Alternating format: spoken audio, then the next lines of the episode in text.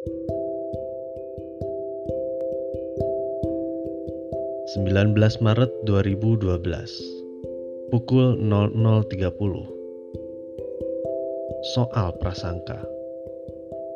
Menduga Memperkirakan seseorang berperilaku sesuatu dengan dasar kebiasaan masa lampau.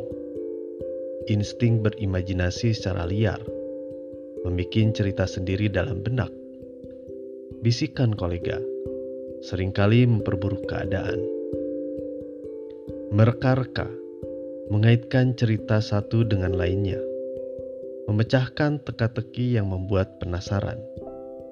Sedikit pun sangat tidak nyaman dalam posisi seperti ini. Karena prasangka, hal kecil tiba-tiba menjadi rumit dan sulit diselesaikan. Tak jarang manusia nekat merusak masa depan gara-gara prasangka bahkan sejumlah surat kabar, membuat berita buruk yang disebabkan persoalan sepele itu. Prasangka, sifat alami manusia yang haus rasa ingin tahu. Tidak buruk jika kita pandai mengelolanya. Saya pikir forum komunikasi dari hati ke hati merupakan sarana yang hendaknya dijadikan peluang emas untuk mengatasi dampak negatif prasangka. Bicara apa adanya rasanya tak terlalu sulit dilakukan. Meski jujur kerap menyakitkan, tapi lebih baik daripada berbohong.